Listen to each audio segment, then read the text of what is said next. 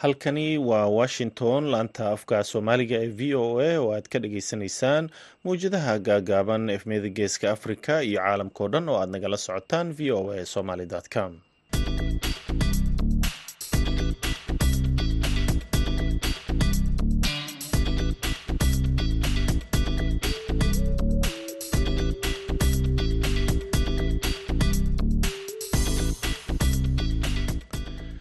duhur wanaagsan dhegaystayaal. Waa maalin jimco ah bisha novembar waa saddex sanadka laba kun iyo saddex iyo labaatanka.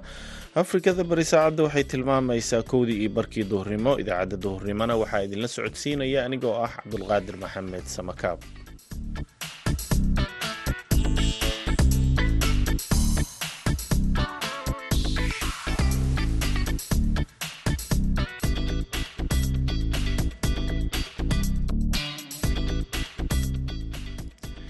qodobada aad ku dhagaysan doontaan idaacaddeenna duhurnimo waxaa ka mid ah barnaamijkii sooyaalka dhaqanka oo ku saabsan qaabkii dhaqankii hore ee soomaalida uu nabadda u adkeyn jiray.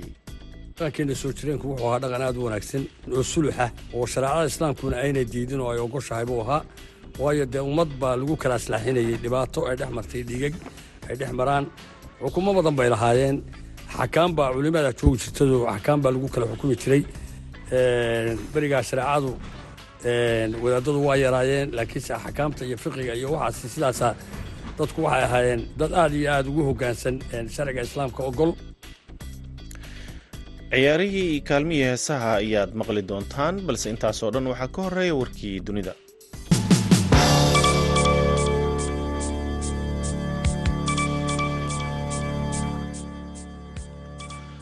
xogayaha arrimaha dibadda ee maraykanka anthony blinkan ayaa jimcada maanta gaaray israa'il xilli milatarigeeda ay hareereeyeen magaalada go-doonsan ee gaza. Diblomaasiga ugu sarreeya maraykanka ayaa oo la kulmay ra'iisul wasaare benyamin netanyahu ayaa la filayaa inuu dowladda israa'il ku cadaadiyo inay hakiso dagaalka si gargaar bini-aadinimo loo gaarsiiyo dadka dhibaataysan booqashadiisa maanta ayaa ku soo aadaysa iyadoo ay socdaan dadaallo diblomaasiyadeed oo caalami ah oo la doonayo in muddo kooban lagu joojiyo dagaalka iyo dhibaatada bini-aadinimo ee ka sii daraysa ee ka jirta dhulka falastiiniyiinta. Si fursad loogu helo inay dadka baxaan kuwa gargaarka u baahanna la gaarsiiyo. Wadamada carabta ayaa iyagana dhinacooda israa'il cadaadis ku saaraya inay dabciso go-doominta ugu yaraana weerarada ay hakiso si dadka loo caawiyo milatariga israa'il ayaa sheegay inay isku gadaameen magaalada gaza oo diyaar ay u yihiin inay gudaha u galaan iyadoo kooxda xamaas ay uga hanjabtay haddii ay galaan inay cawaaqib aan wanaagsanayn la kulmi doonaan. Tirada dadka falastiiniyiinta ee ku dhintay gaza tan iyo intii uu dagaalka bilowday ayaa kor u dhaaftay ilaa sagaal kun oo ruux sida laga soo xigtay waaxda caafimaadka ee kooxda xamaas milatariga kuuriyada koofureed ayaa sheegay khamiistii in kuuriyada waqooyi ay u badan tahay inay siisay ruushka dhowr nooc oo gantaalo ah si ay ugu taageerto dagaalka uu kula jiro ukrein oo ay weheliyaan shixnado sida weyn loo sheegay oo rasaas iyo hobiyaal ay ku jiraan milatariga kuuriyada koofureed oo xog waran kooban siinayay saxafiyiinta maxalliga ayaa sheegay in kuuriyada waqooyi looga shakisan yahay inay u dirtay ruushka tiro aan la cayimin oo ah gantaalo isugu jira kuwa ridada gaaban lidka taangiyada iyo lidka hawada oo ee la qaadan karo. Marka lagu daro qoryaha gantaalada ridada dheer iyo hoobiyaal taasoo lala wadaagay wakaalada wararka e p kuuriyada waqooyi ayaa ku dadaalaysa inay ballaariso iskaashiga ay la leedahay ruushka iyo shiinaha iyada oo wajahaysa xiisadaha amni ee dabadheeraaday ee kala dhexeeya maraykanka iyo dhibaatooyin daran oo gudaheeda ah. Dalka kuuriyada waqooyi ayaa waxa u muuqdaa mid muujinaya dhibaatooyinka dhaqaale ee haysta wuxuuna u socdaa in uu xiro qaar ka mida safaaradihiisa dibadda sababa la xiriira dhaqaale yarida soo wajahday dhegeystayaal warkeennii dunidana waa naga intaa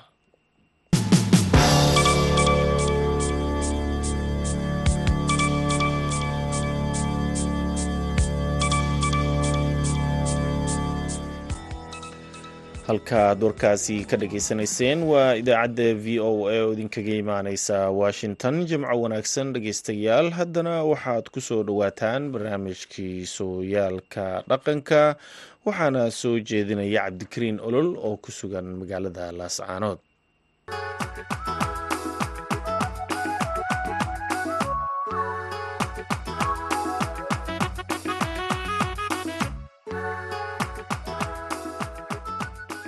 kulanti wacan oo wanaagsan dhegaystayaal ku soo dhowaada barnaamijkeenii sooyaalka dhaqanka oo idinka imanaya magaalada laascanood ee xarunta gobolka sool. Toddobaadkan barnaamijkeenna waxaa marti noogu ah suldaan ibraahim maxamed muuse. Haddii rabi raalli noqdo waxaynu ka hadli doonnaa dadka soomaaliyeed iyo xoojinta nabadda. Sidoo kalena siyaabihii ay u kala qaadan jireen marka ay xoolaha magta kala qaadanayaan.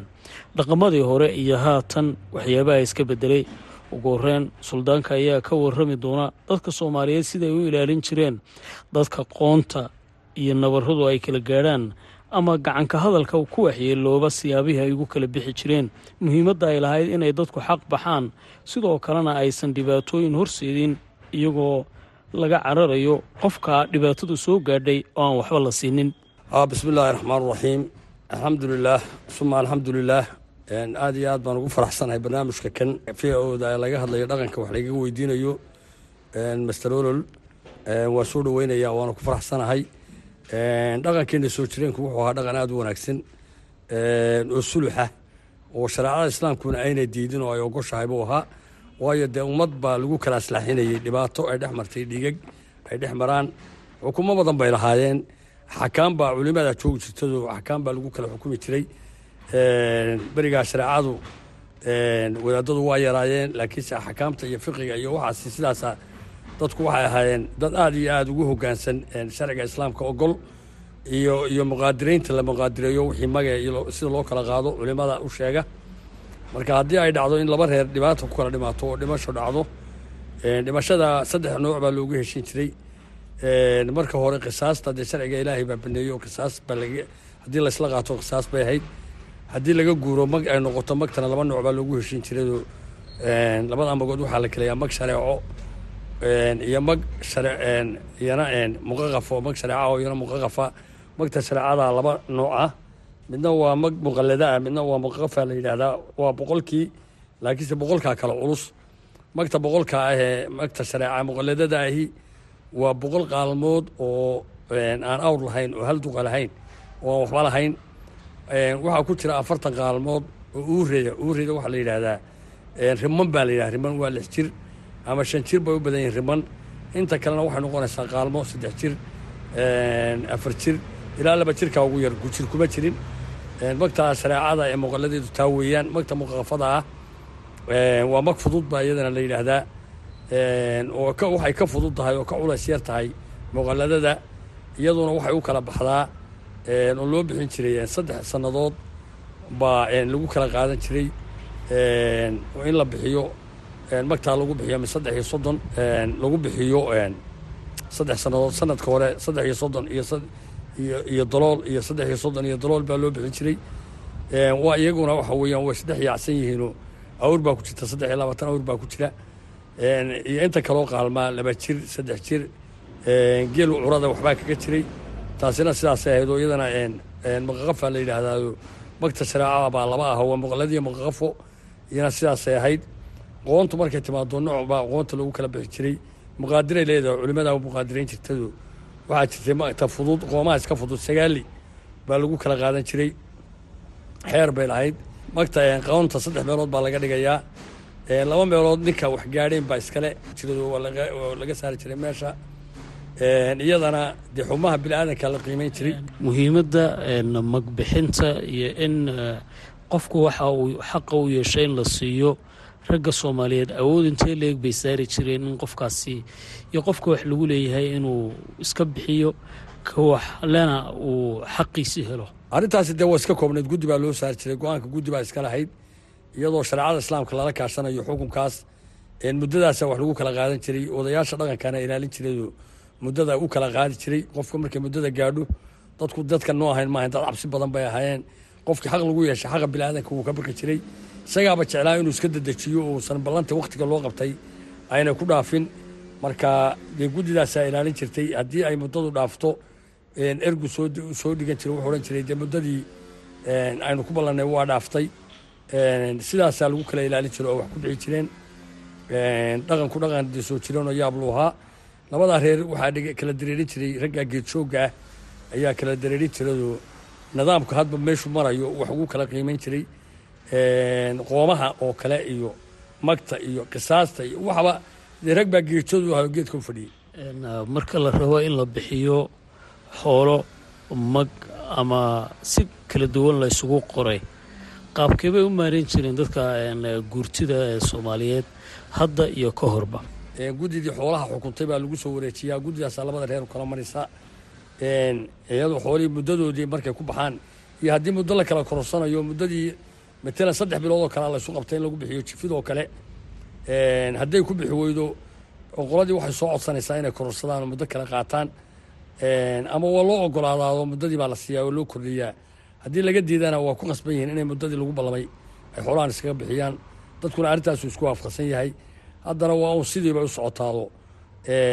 Waa laba waliba waxay ku heshiiso marbaa boqolka halaad. Hadda matalan majoritiga ugu badan waxa weeyaan magta hadda boqolka halaad shan boqol in lagu bixiyo oo oo dollar lagu bixiyo qaalintii qaalmana laga wada dhigo. Waa isaga badanta waa lagu kala qaataa.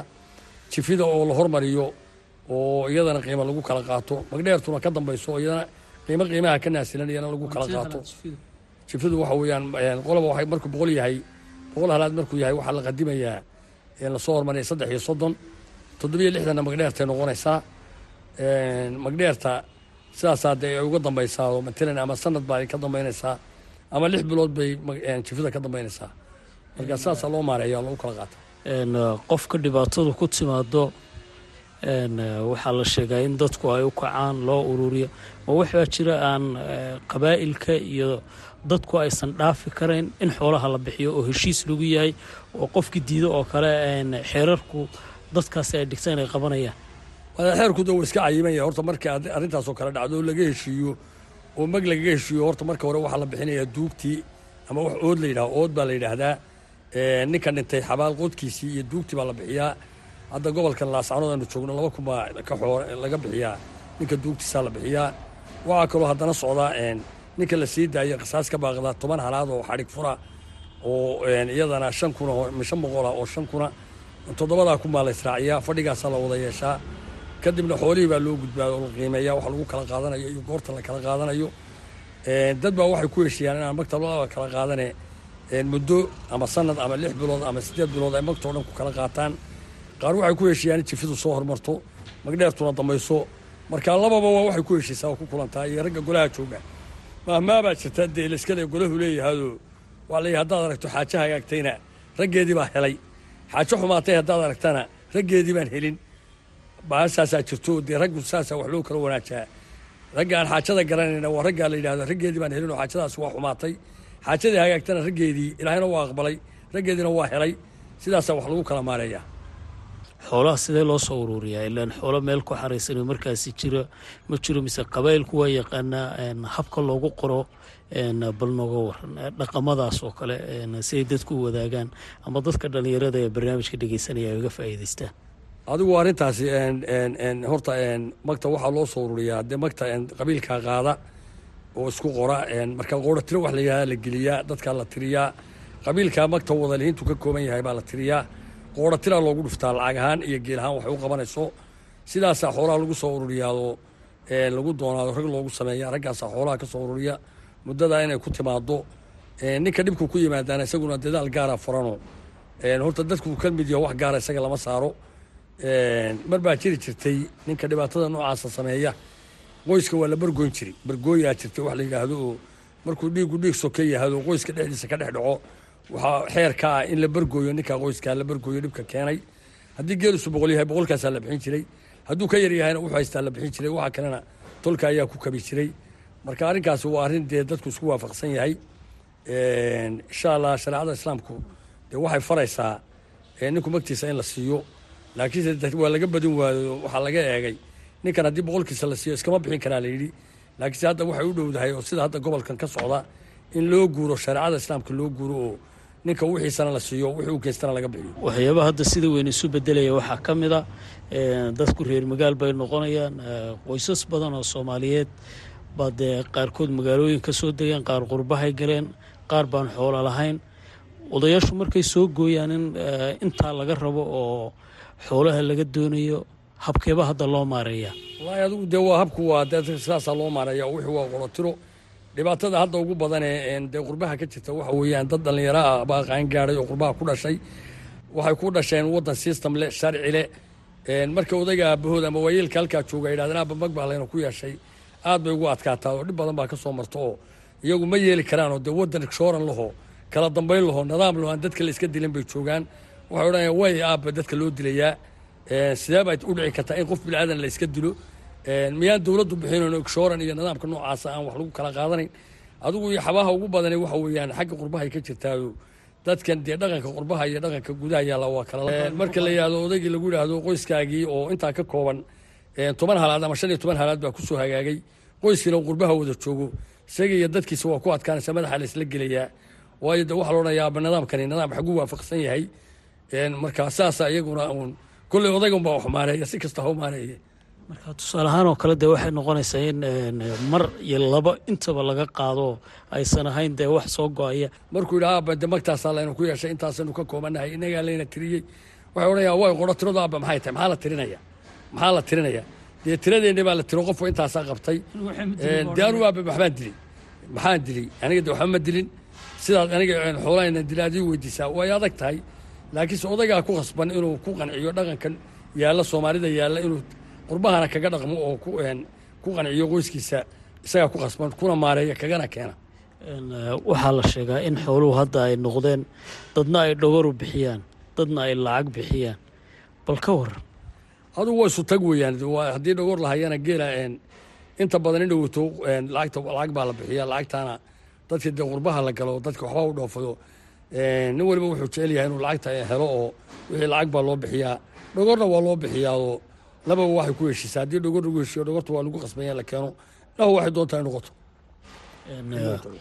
Odayaashu waxyaabaha ka hadlaan waxaa ka mid a muddo dhaafka magbixinta iyo ballanta lagu heshiiyo oo mar dhacda oo mar kala dhaafta waxyaabaha kale culays intee leeg ba idinku keenta taasoo kale si aan nabadgelya daro oga dhicin oo qofkii qofkiisii maqnaayo oo kale aysan dhibaato halkaas oga imanin. Waxyaabahaas kale dhibaato ma idinku keentaayo? Aada iyo aad bay way keentaa waa jirtaa muddadii haddii lagu ballamo. Laakiinse ilaahay fadligii odayaasha u maamaareeyo oo ku dadaala hadday arkaan inaan muddadii waxba ku baxayn qoyskaa dhibanaha ku qanciya inay muddadaa kala qaataan sidaasayna ku sugaan oo ku maareeyaan anigoo ka faa'iidaysanaya barnaamijka kanfiyooda waxaan u sheegayaa dad islaam aynu nahay innaga ilaahay wuxuu inoo dejiyey nidaam iyo sharci. Magtaa inaynu sida ilaahay ogol yahay aynu iskaga bixinno kuna siino dadka xaqa u leh oo la iska daayo magtan la wada qaybsanayo laga fikerayo agoonka waxba iskama bixin karo hadhowto in la iska daayo oo agoonkana dee wixii laga bixiyo tolku ka bixiyo wixiise ku yimaadana la siiyo anugu arrintaas baan boorinaya insha allah keeni karaysa haddaan xoolahaasi la bixin ama dadka halkaa wada degan mi iyo magaalaba.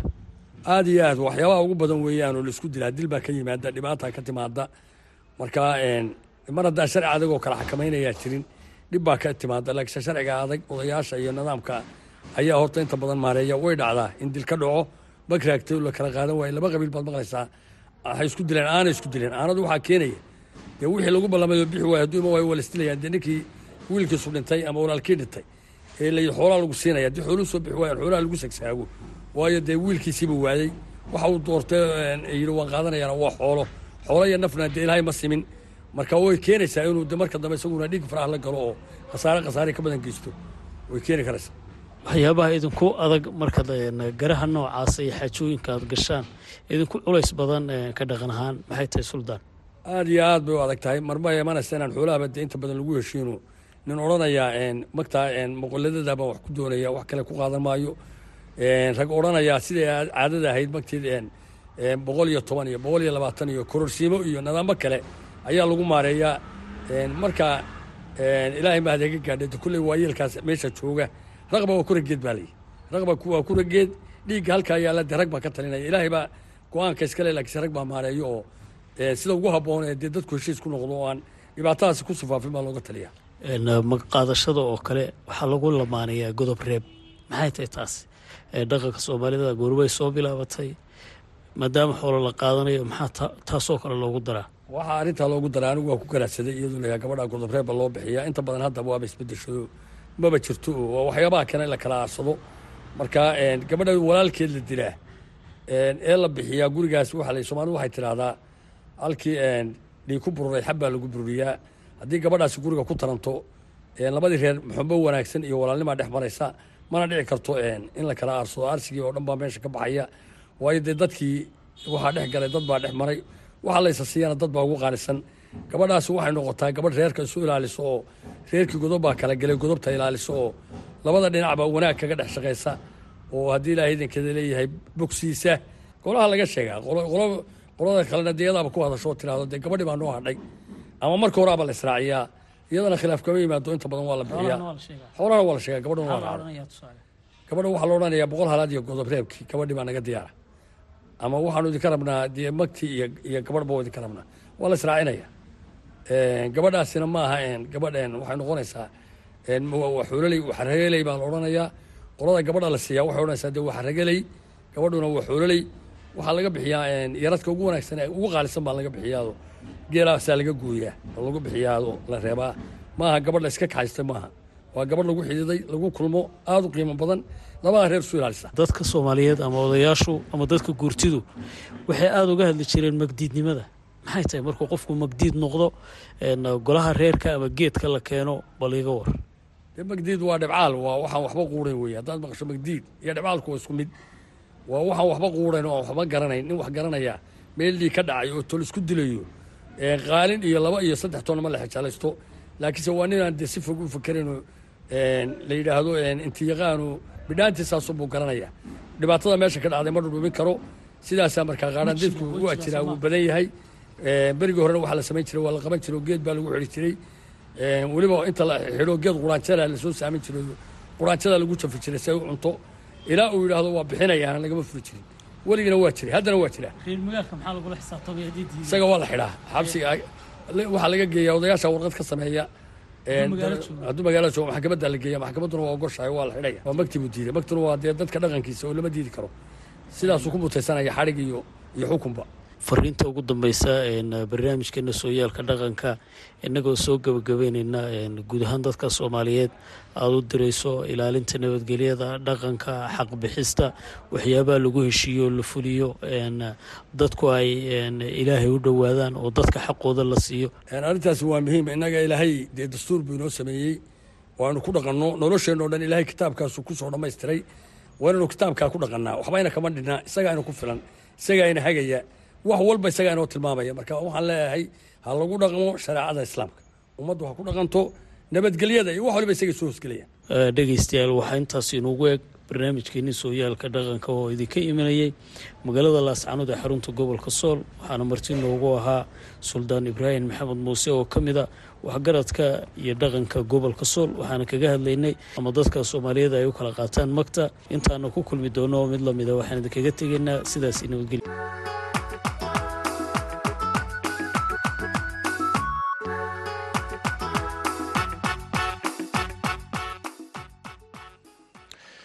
haddana aaday u mahadsan yahay cabdikariin olol oo nala socodsiinayey barnaamijkii sooyaalka dhaqanka oo nooga yimid magaalada laascaanood weli waxaad dhegeysanaysaan idaacadda v o a oo idinkaga imaaneysa washington.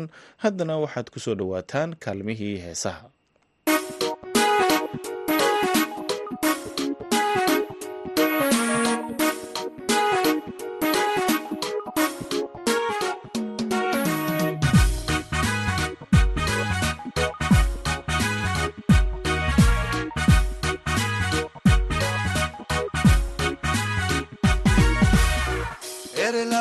suudiyo.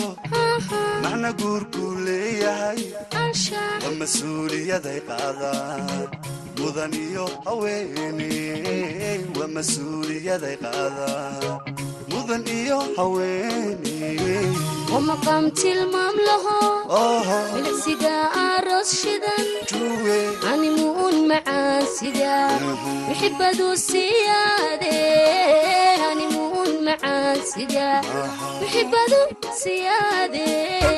erey lagu maqsuudiyo macna guurkuu leeyahay waa mas'uuliyaday qaadaan. Mudan iyo haweene waa mas'uuliyaday qaadaan.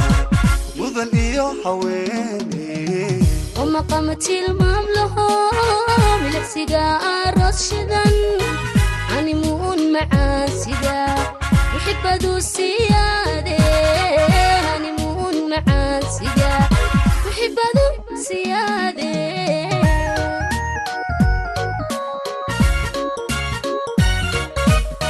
Alla hubey,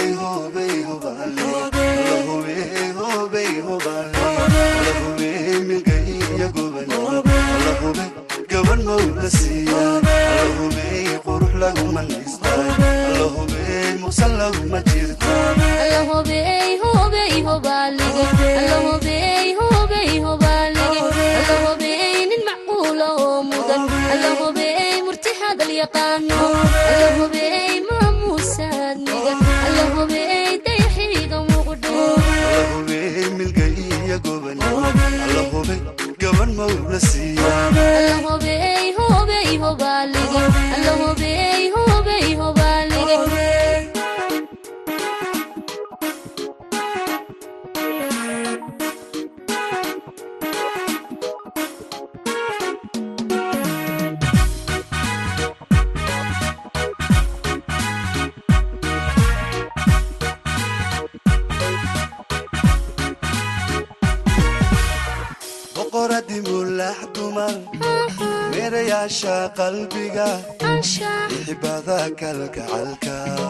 Manka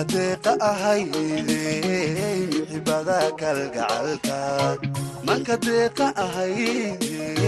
maalintaan warka helin urugadan dareema juwe manastoo la'aanta maqana jooga ahaade manastoo la'aanta maqana jooga ahaade boqoradii mulax dumar meerayaasha qalbiga xibada kalgacalka manka deeqa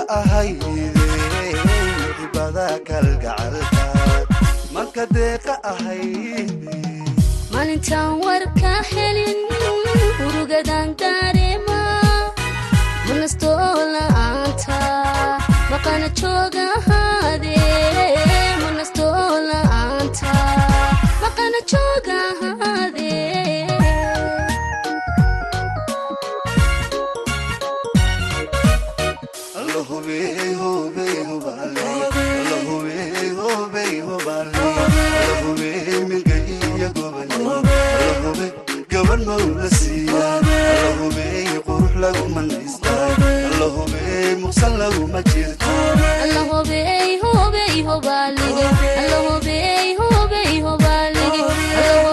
nin macquula oo mudan alla hobey murti hadal yaqaano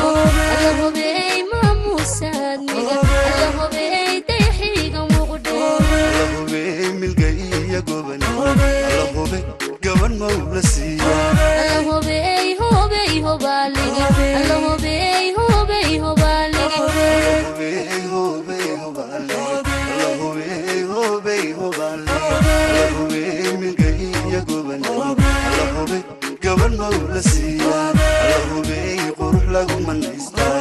Alla hubey, muqsan laguma jirta.